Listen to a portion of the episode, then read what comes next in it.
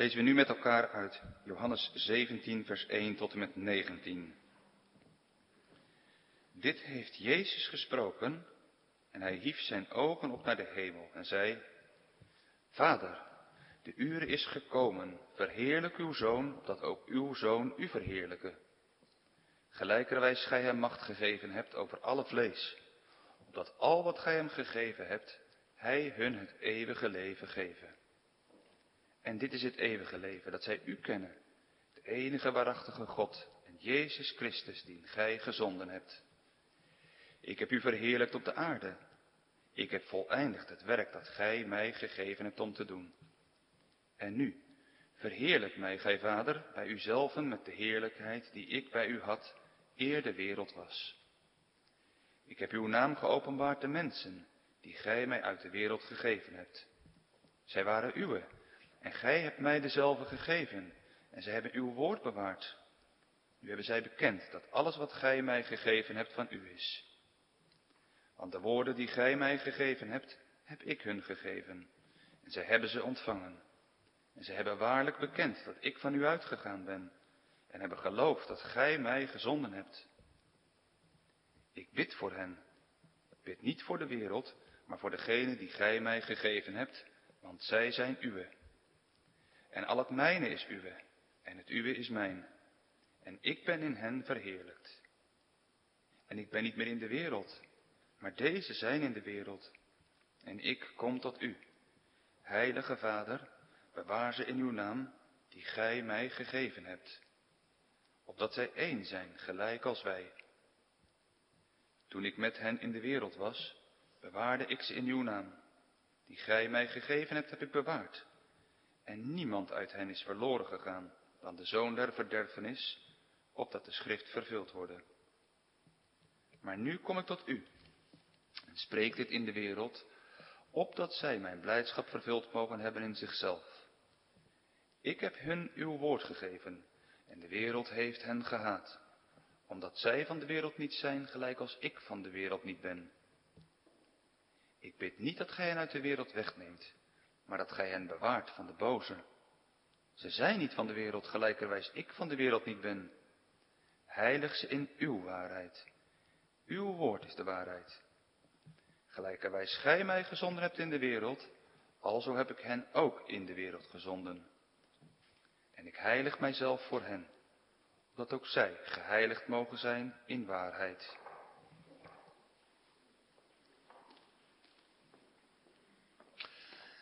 Gemeente, jongens en meisjes, aanstaande woensdag, komende woensdag, is het middag. En we kijken in de preek van vanmorgen daar alvast een beetje naar vooruit. Door met elkaar te gaan luisteren naar een heel bijzonder gebed, naar een gebed van de Heer Jezus Christus. Vlak voordat hij gaat lijden en sterven, bidt hij hardop voor zijn discipelen. En zij luisteren en bidden stilletjes mee. Hij staat, de Heer Jezus staat, vlak voor de moeilijkste periode in zijn leven. Vlak voor de tijd van zijn diepe lijden in Gethsemane en van zijn sterven aan het kruis.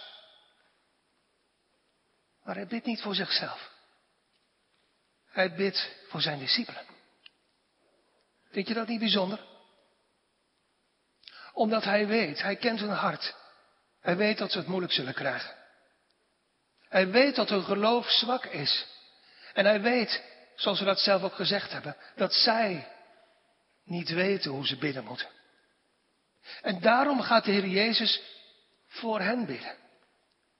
Zodat ze nu kunnen horen hoe Hij voor hen bidt, nu, maar ook straks aan het kruis en ook later, nu, in de hemel. Laten we stil meeluisteren, gemeente. Naar dat wonderlijke gebed van de Heer Jezus. Wat we noemen het hoge priesterlijke gebed, waar we vanmorgen één regel uitnemen. Johannes 17, vers 11.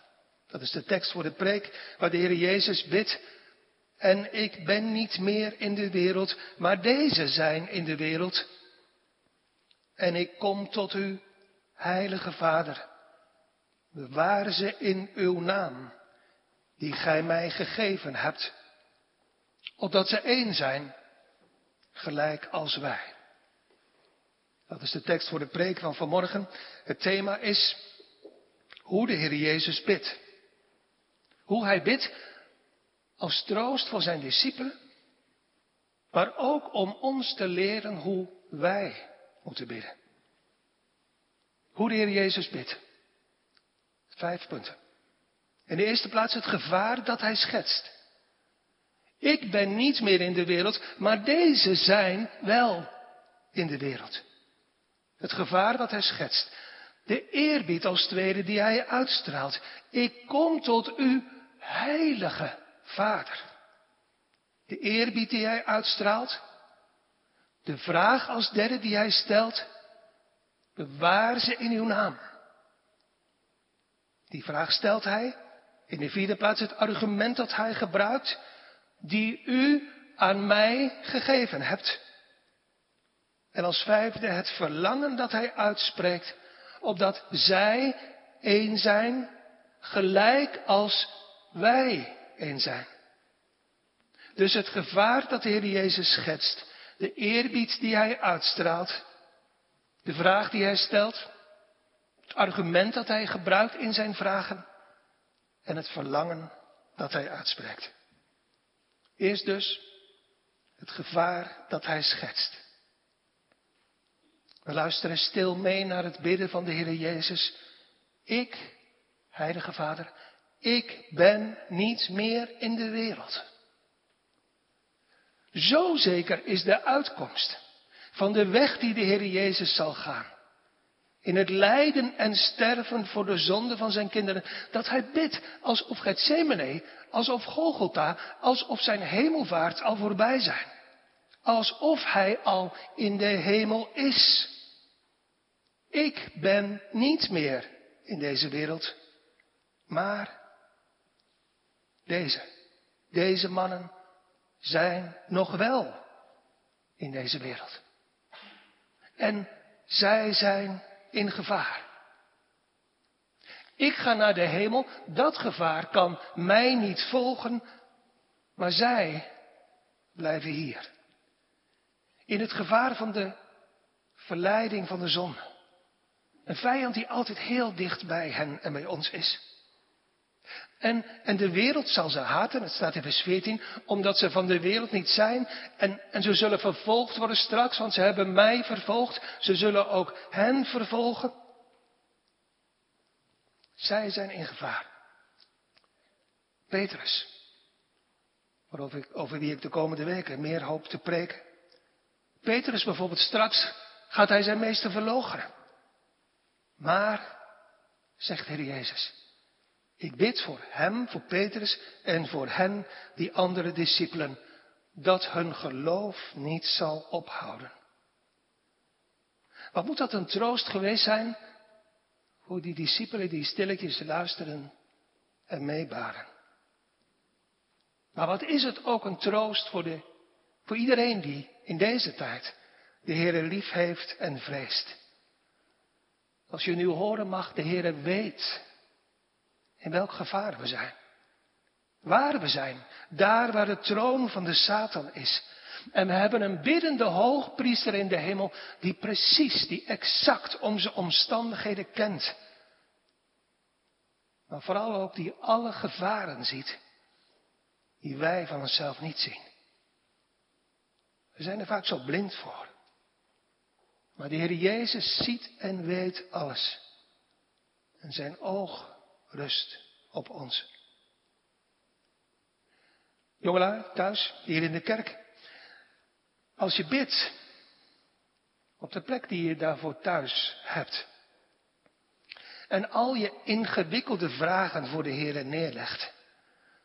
Al is het niet zo dat de Heer niet snapt waar je het over hebt.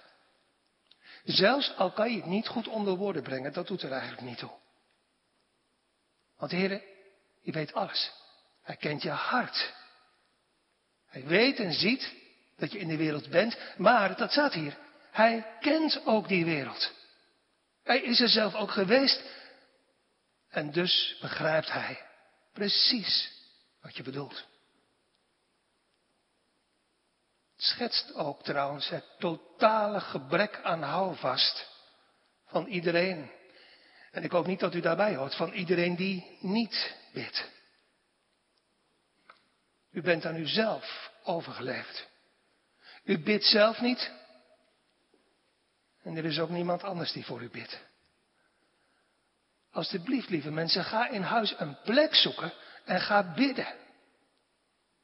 En de Heer zal luisteren naar uw stem. Ga bidden met diepe eerbied voor God. Want let op de eerbied, zelfs in de woorden van de Heer Jezus Christus. In ons tweede punt. De eerbied die hij uitstraalt als hij zegt, ik kom tot u, heilige Vader. Zo jongens en meisjes mag hier gebed beginnen. Ik kom tot u. Want dat is bidden. Dat is wat we doen als we bidden. Komen tot de Heer die, die heilig is. Die hoog is. Die groot is. Hij is de Allerhoogste. Je voelt jongelui het contrast met het voorgaande. De wereld staat tegenover de heilige. En wat is bidden? Bidden is je terugtrekken van de wereld. Je sluit je ogen ervoor. Je vouwt je handen. Je doet je ogen dicht. En als het goed is, voel je er iets van in je hart. Ik sta voor de heilige God. De Heer Jezus zegt, Heere, heilige Vader, ik kom tot u. Denk even voor uzelf na, gemeente, en jullie jongelui, wat dat precies betekent. Laat ik een paar dingen noemen. Het betekent als eerste dat we in ons bidden altijd heel eerbiedig moeten zijn. Niet ondertussen allerlei andere dingen doen, aan allerlei andere dingen denken, maar erbij blijven met je gedachten en eerbiedig zijn. Eerbiedig zijn, dat betekent in de tweede plaats dat je in je bidden een diep besef moet hebben van de hoogheid en van de heiligheid van onze God. En dat je dus God niet moet aanspreken alsof het je vriendje of je buurman is. Onze God is heilig. En het derde is dat je God niet hoeft of moet aanspreken alsof Hij de voor ons onbereikbare God zou zijn. Onze Heere hoort. En wat is dat een zegen, gemeente? Als je eraan denkt dat wij Hem verlaten hebben en het liefst nooit meer aan God zouden denken. Alsjeblieft, als u onbekeerd bent, bid. Want de Heere hoort uw stem. En hij wil, denk ook maar aan de gelijkenis van de verloren zoon, hij wil zich nog steeds zelfs door u en door mij vader laten noemen. Hoeveel meer hoort de Heer als hij, zoals zondag 9 van de catechismus zegt, om zijn zoon uit genade door het bloed van het kruis onze God en Vader geworden is. Wie iets in zijn hart kent van het oprechte geloof, hoeft niet te twijfelen. Onze Vader weet wat we nodig hebben en wat goed voor ons is. Zoals we zongen. Nooddruftigen zal Hij verschonen. Aan armen uit genade zijn hulpen ter verlossing tonen. Hij slaat hun zielen ga. Zijn oog rust op ons. Maar niet vergeten, die vader van het onze vader is in de hemel en hij is heilig. Uit onze gebeden en in het openbaar en in het verborgen op de plek die u daarvoor thuis hebt, diep doordrongen zijn van de heiligheid van onze God. Van de oneindige hoogheid en wijsheid en majesteit van de Almachtige. Ons derde punt, de vraag die de Heer stelt, bewaar ze in uw naam. Misschien, jongelui, vraag je jezelf af als je bidt op de plek die je daarvoor hebt thuis. Ja, maar waar? Waar moet ik nou eigenlijk om bidden? Als je goed meeluistert, wat we allemaal proberen te doen naar het gebed van de Heer Jezus, dan hoor je wat de Heer Jezus zelf het belangrijkste vindt, ook voor ons gebed. Niet dat je rijk zult worden, niet dat je succes zult hebben, niet dat je carrière zult maken, maar wel dat je bewaard zult worden voor de zonde. Voor de aanvallen van de duivel. En dat wij zullen leven tot eer van God. De Heer Jezus bidt voor zijn discipelen. En voor al diegenen die de genade van de Heer mogen of zullen gaan kennen. Die hij op Golgotha gekocht heeft tot zijn eigendom. Hoorbaar, hardop.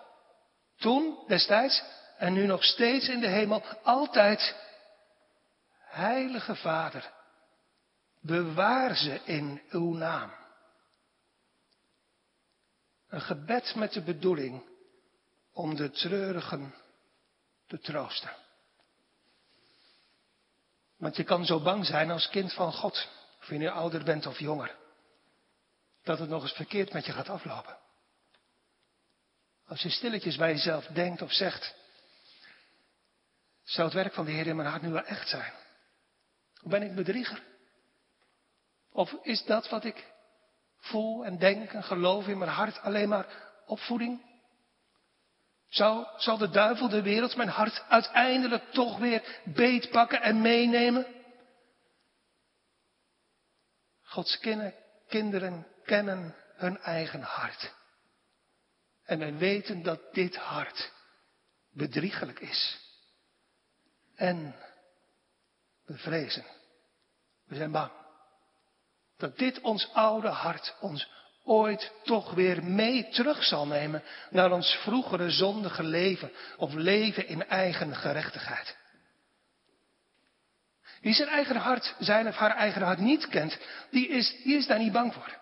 Die zegt nee hoor, ik blijf vanzelf wel overeind.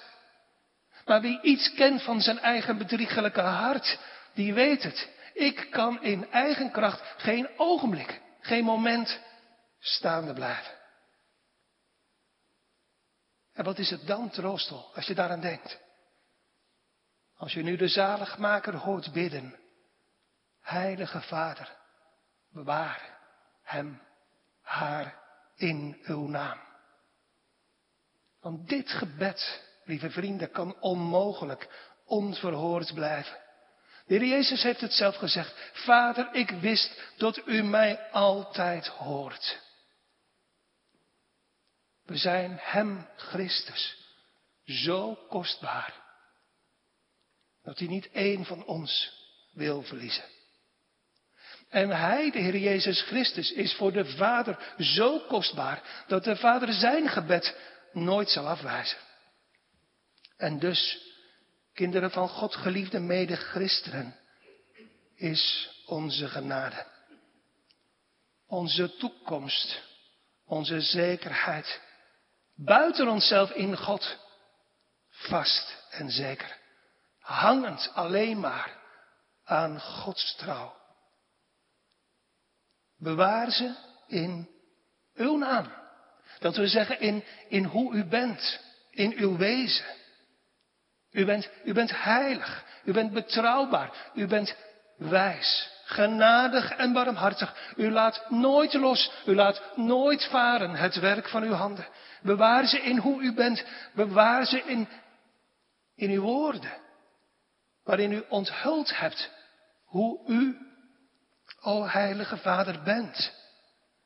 En bewaar ze ook in het beschermende van uw naam.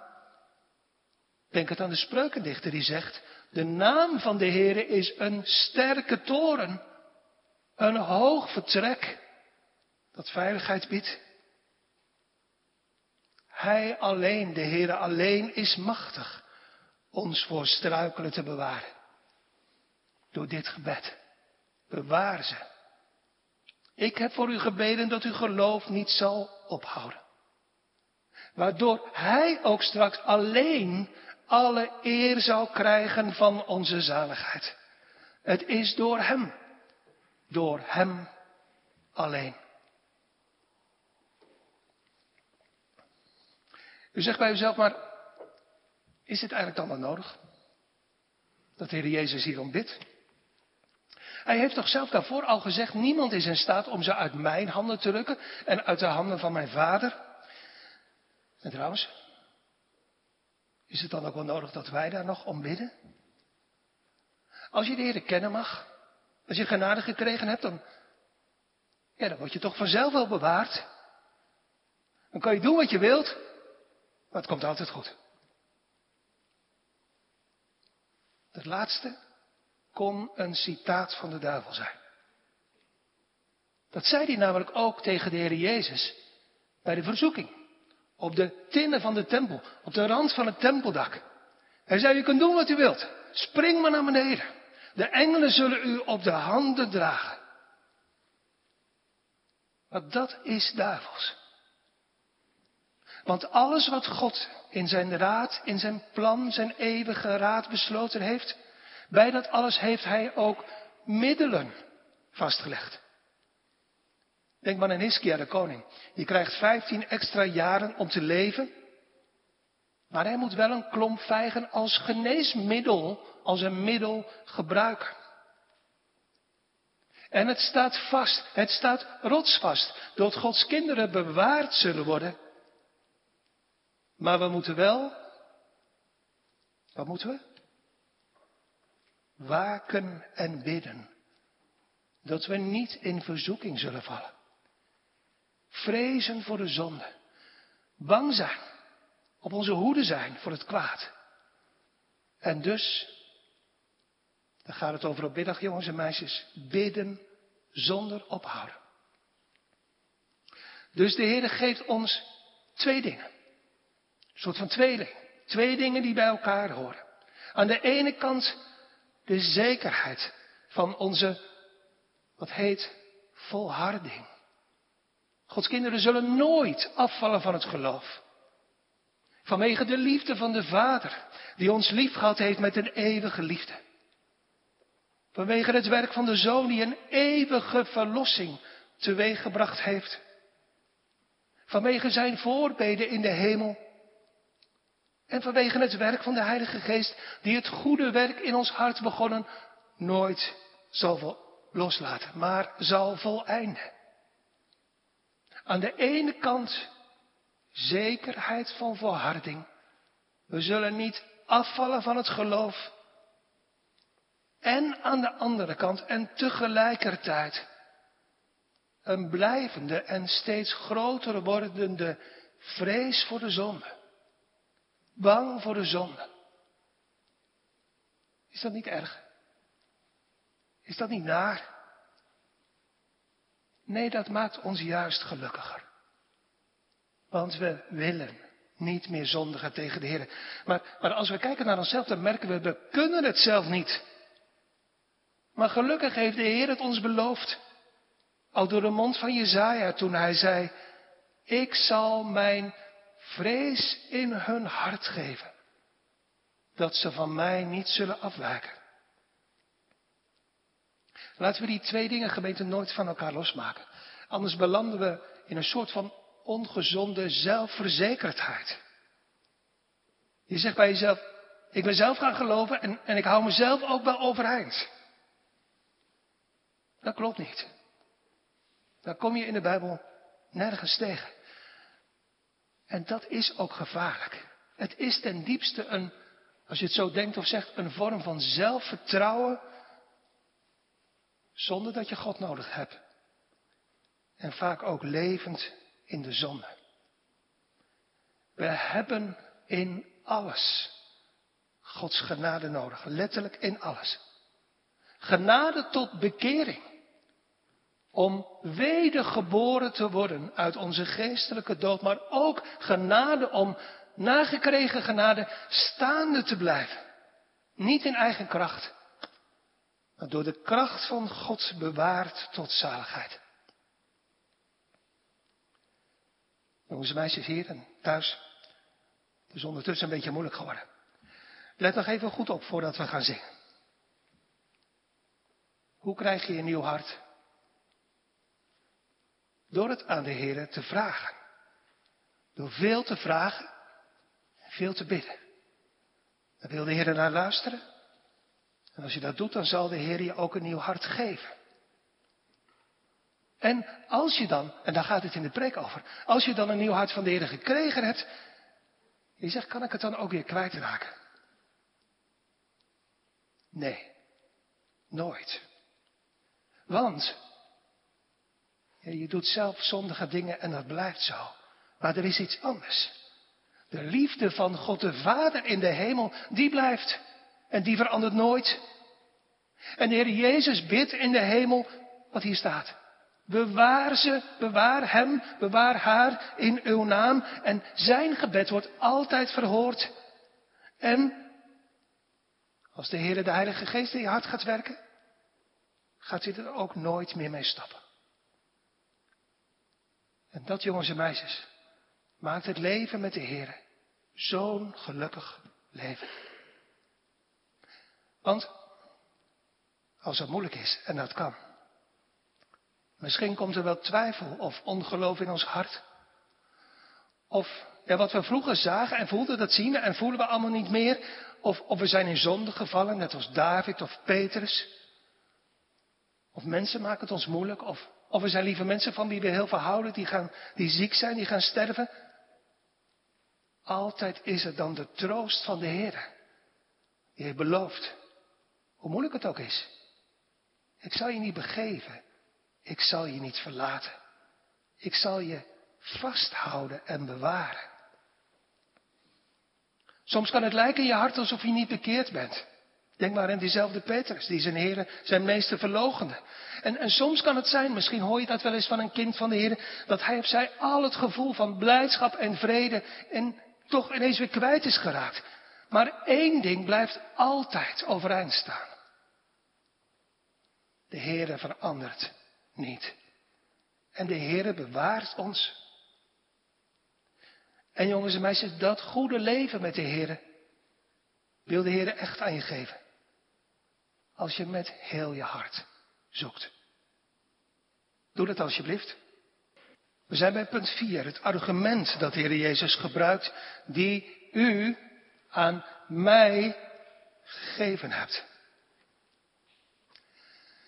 Jongens en meisjes, jongelui, als je bidt, en ik hoop dat je dat veel doet, dat je thuis een plek hebt waar je stilletjes vaak bidt. Als je bidt, kan je dan ook dingen tegen de Heer zeggen, argumenten, waarom de Heer naar je zou moeten luisteren. Niet in de zin van, als ik dit zeg, of zus, of zo, dan, ja, dan moet de Heer wel per se naar me luisteren, dan moet hij het gewoon echt doen. Nee, want de Heer is ons niets verplicht, maar toch mag je de Heer wel op dingen wijzen. Twee soorten van dingen. En ik hoop dat je dat veel gaat doen in de tijd die voor ligt. Je mag de Heer, en het geldt ons ouderen ook, als eerste wijzen op dingen van jezelf. Ik bedoel dit. Je mag in je bidden zeggen, Heer, u bent toch een zaligmaker van zondaars. Heilige Heer, ik kom tot u. Kijk, alstublieft, ik, ik ben zo'n zondaar. Kijk maar, ik heb in mijn hart en mijn leven zoveel zonde. Help me dan toch, o zaligmaker van zondaars. En red toch mijn ziel. Je mag wijzen op de zonde van jezelf als je bidt. Hoewel je je er diep voor zult schamen.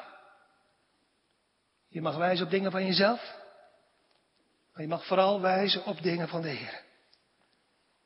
Je mag in je bidden zeggen, Heer, zo bent u toch. U ontvangt zondaars. Net zoals destijds in de gelijkenis van de verloren zoon. Heere, wilt u dan mij ook ontvangen? Heere, u bent vol van genade. En daar, daar wil ik u eerbiedig op wijzen. Wilt u dan mij ook genadig zijn? Heere, u hoort mensen die tot u roepen. Wilt u dan alstublieft mijn roepen ook horen? Heere, u vergeeft menigvuldig. Wilt u dan ook mijn zonden mij vergeven? Je mag in je, laat ik het maar zo noemen, in je argumenten, in je bidden meer zeggen. Nog meer. Heere, u hebt het beloofd. Als ik u zoek, dan zal ik u vinden. Je mag zeggen, Heere, ik zoek u, alstublieft, laat me toch u vinden. En wilt u mij vinden? Heere, u hebt het beloofd. Toen ik gedoopt werd. Ik zal u, ik zal je tot een God zijn. O Heere, wees me dan toch een God, tot een God en zaligmaker. Je moet jongelui niet in het wilde wegbidden. Alsof er niets en niemand is in deze wereld of daarbuiten die je hoort. We zingen toch altijd. Hij hoort mijn stem. Mijn smekingen. Mijn klagen. Hij neigt zijn oor. Alsjeblieft gemeente, wees niet hopeloos in uw bidden. Maar herinner de Heer met schaamte en nederigheid in je hart aan zijn eigen woorden. Een heel bijzonder argument, een heel bijzondere pleitgrond horen we in het gebed wat de Heer Jezus hier bidt voor zijn discipelen, voor zijn kinderen. Als hij zegt, ik gebruik eigen woorden, ik bid voor bewaring van diegene, van hen, en dan komt het, die u aan mij gegeven hebt. Vader, heilige Vader, u hebt hen aan mij gegeven. Het staat in dit ene gebed wel zeven keer. Die u aan mij, de Heer Jezus, gegeven hebt. U hebt deze discipelen, u hebt al mijn kinderen van eeuwigheid af aan mij gegeven. Ik heb beloofd om voor hun schuld te betalen, te lijden en te sterven aan het kruis. En u, o heilige Vader, beloofde dat zij mijn eigendom zouden worden, gekocht door de prijs van mijn bloed. Zo staat in vers 6. Ze waren van u en u hebt ze aan mij gegeven. Als een gift. Gegeven en gekregen. En de waarde van een gift, de waarde van iets wat je krijgt, wordt bepaald door, door degene die het geeft. En door de liefde waarmee je het krijgt. Wat hoor je als je stil goed meeluistert naar de woorden van de Heer Jezus Christus in dit gebed? Wat hoor je hier? De blijdschap en liefde van Christus in doorklinken. Je weet jongens en meisjes hoe blij je kunt zijn als je een prachtig cadeau krijgt van je vader of moeder. En nu luister je stil naar de Heer Jezus die zegt, deze gift, deze discipelen, zij kunnen van zichzelf geen ogenblik overeind blijven staan. Maar deze discipelen heb ik, o heilige Vader, van u gekregen. Die kreeg ik van u. Wat een liefde van u voor mij, voor de Heer Jezus en voor hen, voor de discipelen. Alles is hier. Als je goed luistert, proef je er iets van. Doortrokken van de liefde van Christus tot zijn Vader in de hemel. Je ziet het in vers 4. Ik heb u, o Vader, verheerlijkt op de aarde. Ik heb voleindigd het werk dat u mij gegeven hebt om te doen. En alles is doortrokken van de liefde van de Vader en van de liefde van Christus. Voor degenen die aan Hem gegeven zijn. In het eeuwige besluit van de verkiezing, wat voor ons onbekend is.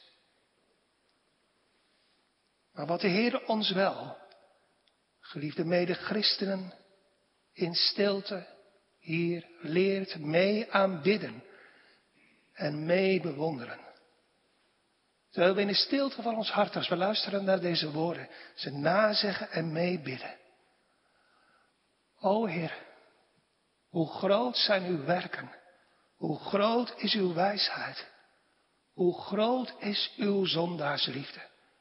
U hebt ons, verloren mensen, dwalende schapen, aan Christus gegeven. En hij heeft voor ons de prijs betaald aan het kruis op Golgotha. En daarom, om u, om u alleen, is er nu geen verdoemenis meer. Voor ons die in Christus Jezus zijn. Meer vastheid, meer zekerheid, meer geloof in onze volharding.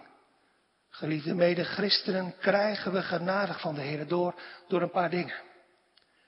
Door te vrezen voor de zonde. En biddend te wijken van het kwaad. Door biddend te leven aan de troon van Gods genade. Door Gods belofte vanuit het woord. Biddend in al onze onwaardigheid te omhelzen en aan te nemen. En ook, en daar gaat het hier om, door gelovig te luisteren naar wat de Heer zegt.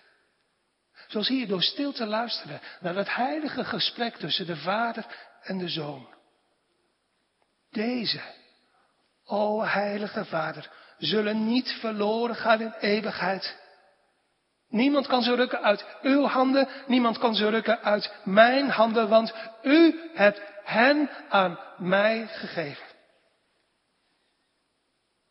De Dordtse leerregels zeggen, als de uitverkorenen Gods deze vaste troost in de wereld niet zouden hebben, dan waren we de ellendigste, letterlijk, dan waren we de ellendigste van alle mensen. Maar hierdoor zijn we door Gods genade. Zonder iets van ons en hoe moeilijk ons leven ook kan zijn, toch de gelukkigste van alle mensen. We kunnen net als Petrus, of als David, zwaar in zonde vallen. En het heeft grote gevolgen in ons leven. Het kan zijn dat we voor een tijd daardoor het gevoel van genade in ons hart verliezen. Maar God bewaart ons door het geloof tot de zaligheid. En vernieuwt ons hart naar zijn beeld. Dat zien we zo meteen nog in ons vijfde punt, maar laat ik tussendoor even nog iets anders zeggen. Want als je onbekeerd bent, dan kan je in deze versen, als je die leest, nogal verdwalen. Maar dat moet je maar niet doen. Ik bedoel, in die zeven keer dat hier in dit gebed staat, die u mij in ons eeuwige besluit gegeven hebt. Je kunt nog eens struikelen over een vers als bijvoorbeeld vers 12. Die u mij gegeven hebt, heb ik bewaard. En niemand uit hen is verloren gegaan dan de zoon der verderfenis, opdat de schrift vervuld wordt. Je denkt bij jezelf, zie je nu wel, heb ik altijd al gezegd. Heb ik altijd al gedacht. Als God zulke dingen besloten heeft in de eeuwigheid al, ja, dan kan ik doen wat ik wil, maar ik kan er verder toch niets aan doen. Als God me buiten de boot laat vallen, ja, dan houdt het voor mij op. Ik snap die gedachte, maar hij is niet goed. U moet een paar dingen goed bedenken. Drie dingen. U moet als eerste wel heel goed oppassen met dat wat u denkt of zegt over de heilige God. Want als je die dingen zo denkt of zegt, dan geef je hem namelijk letterlijk de schuld van je eigen ellendige toestand. En mijn vraag is, is dat wel eerlijk? Sterker nog, mijn vraag is, gaat u dat straks, ga jij dat straks ook zeggen? Als je staat voor de rechterstoel van de heilige God. In de tweede plaats moet u bedenken dat u praat over dingen, als u dit soort dingen zegt of denkt, die, u praat over dingen die niet voor u bestemd zijn. U praat over iets, u gebruikt iets als excuus, trouwens ook nog wat, wat voor u verborgen is. U weet er verder helemaal niets van. Dat doet u in het gewone leven toch ook niet. Redeneren, argumenteren met dingen waarvan u zegt, ja, maar ik weet er eigenlijk niets van. De leer van de verkiezing die hieruit opkomt, is, laat ik het maar zo zeggen, niet bedoeld voor onbekeerde mensen. Die is bedoeld voor en alleen voor meeluisterende, meebiddende discipelen. Die met verwondering en aanbidding en verbazing horen en geloven mogen. Ik, ik ben door God aan Christus gegeven. En dus zal ik niet verloren gaan in eeuwigheid. Maar u moet vooral als derde dit bedenken. Het enige wat u bij al uw denken en vragen en redeneren wel weet van dat verborgen besluit van Gods verkiezing is dit. Dat God zondaars heeft uitverkoren. En dat wil u hoop geven. Ga dan maar denken over, ga dan maar redeneren en argumenteren over dat wat u wel weet. Want als ik zeg God heeft zondaars uitverkoren, ik vraag u, valt u buiten die groep? Bent u van een andere soort? Niet? Dan bent u niet buitengesloten. Sluit u zelf dan niet uit, maar zoek de Heer, vergeving in het bloed van Christus en leef voordat het wel te laat is. Ons vijfde punt. Het verlangen tot slot. Wat de Heer Jezus uitspreekt als hij zegt, biddend, opdat zij, discipelen en kinderen, één zijn, gelijk als wij, vader en zoon. Opdat ze één mogen zijn, zegt Calvijn, in hun geloof en in de Heilige Geest. Eén met elkaar, zoals wij, God de Vader in de hemel en de Heer Jezus Christus op de aarde, de Zoon, één zijn. Eigenlijk bidt de Heer Jezus dus hier, Heilige Vader, bewaar mijn kinderen en laat ze lijken op ons, op ons beeld Zoals het vroeger was in het paradijs. Waar ik, de zoon, hen schiep. Naar ons beeld en naar onze gelijkenis. Is dat iets dat gaan lijken op het beeld van God wat je, wat je zelf moet gaan doen, wat je zelf in jezelf moet proberen te veranderen, terwijl je probeert jezelf een beter mens te maken? Nee, dat is ook iets wat de Heer doet. Die het hart vernieuwt en die, we zongen dat uit Psalm 119, de geboden van Gods wet schrijft aan de binnenkant van ons hart.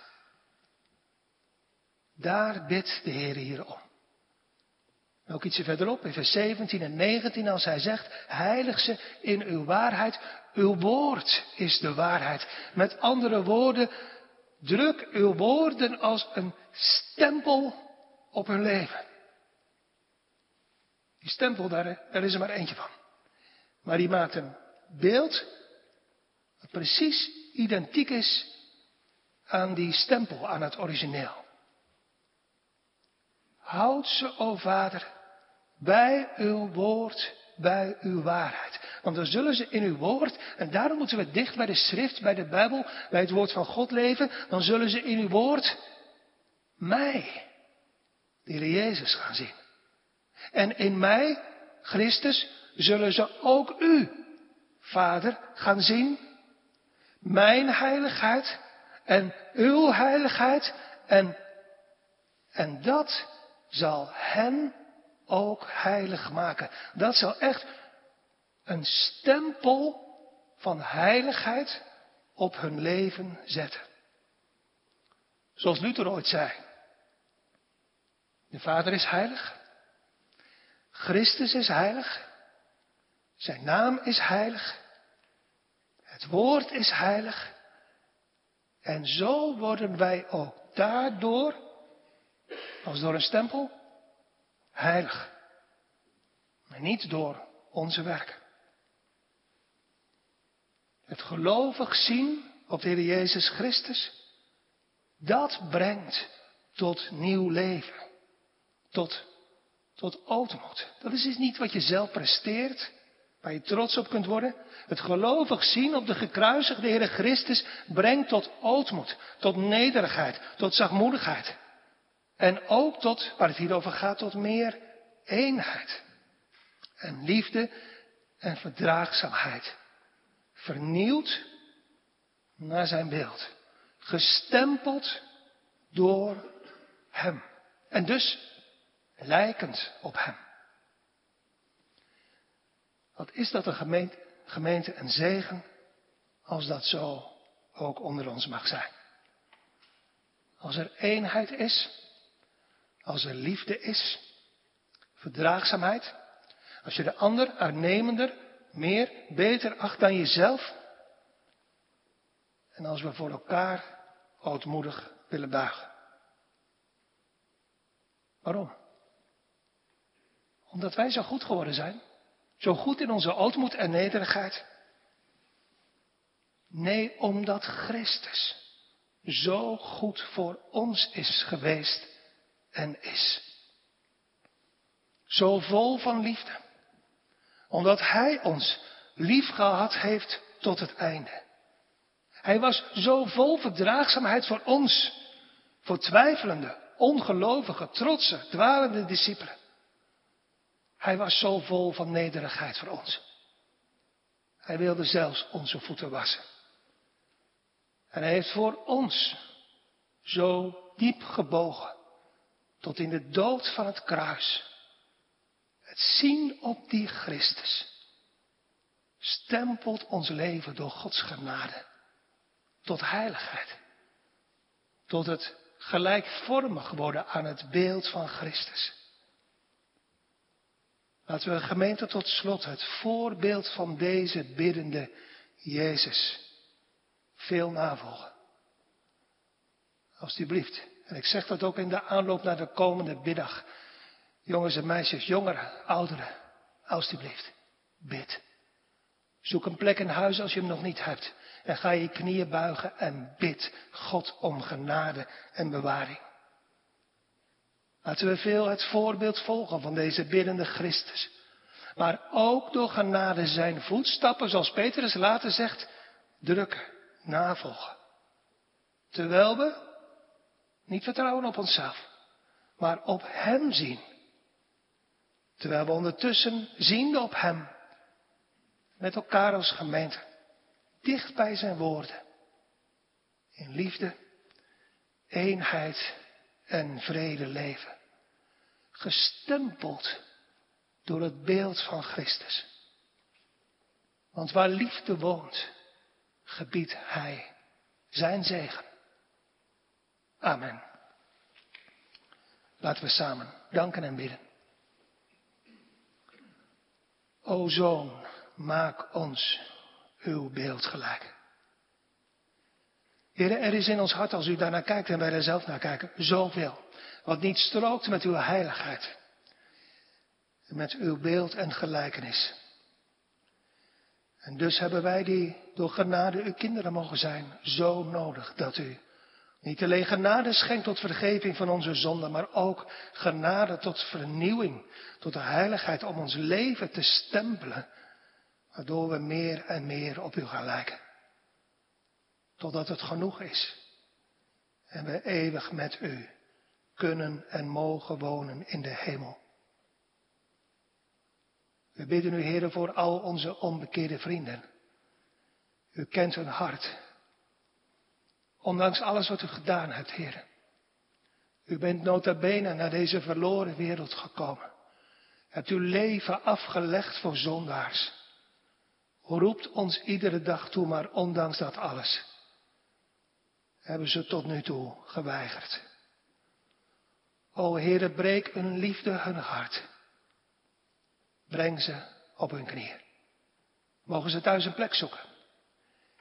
Om te bidden. En daar bidden. Zonder ophouden. Wetend en gelovend. En wij danken u daarvoor, heren.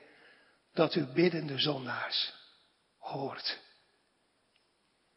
Wij danken u, heren, dat we vanmorgen met elkaar samen verbonden thuis en hier naar uw woorden mochten luisteren. Wilt u ze zegenen? het gebrekkige, het verkeerde, het zondige in het spreken ook eruit wegnemen. Zegent u ons verder op deze dag. U geven dat we vanmiddag ook weer met elkaar, het zij fysiek, het zij digitaal, zullen samenkomen in de dienst van woord en sacrament. Mag die dienst In het teken van het sacrament en in de woorden uit uw mond, schitterende Heer, van uw trouw voor mensen zoals wij. Vaart onze dank, Heer, en hoor ons gebed alstublieft. Alleen om Jezus wil. Amen.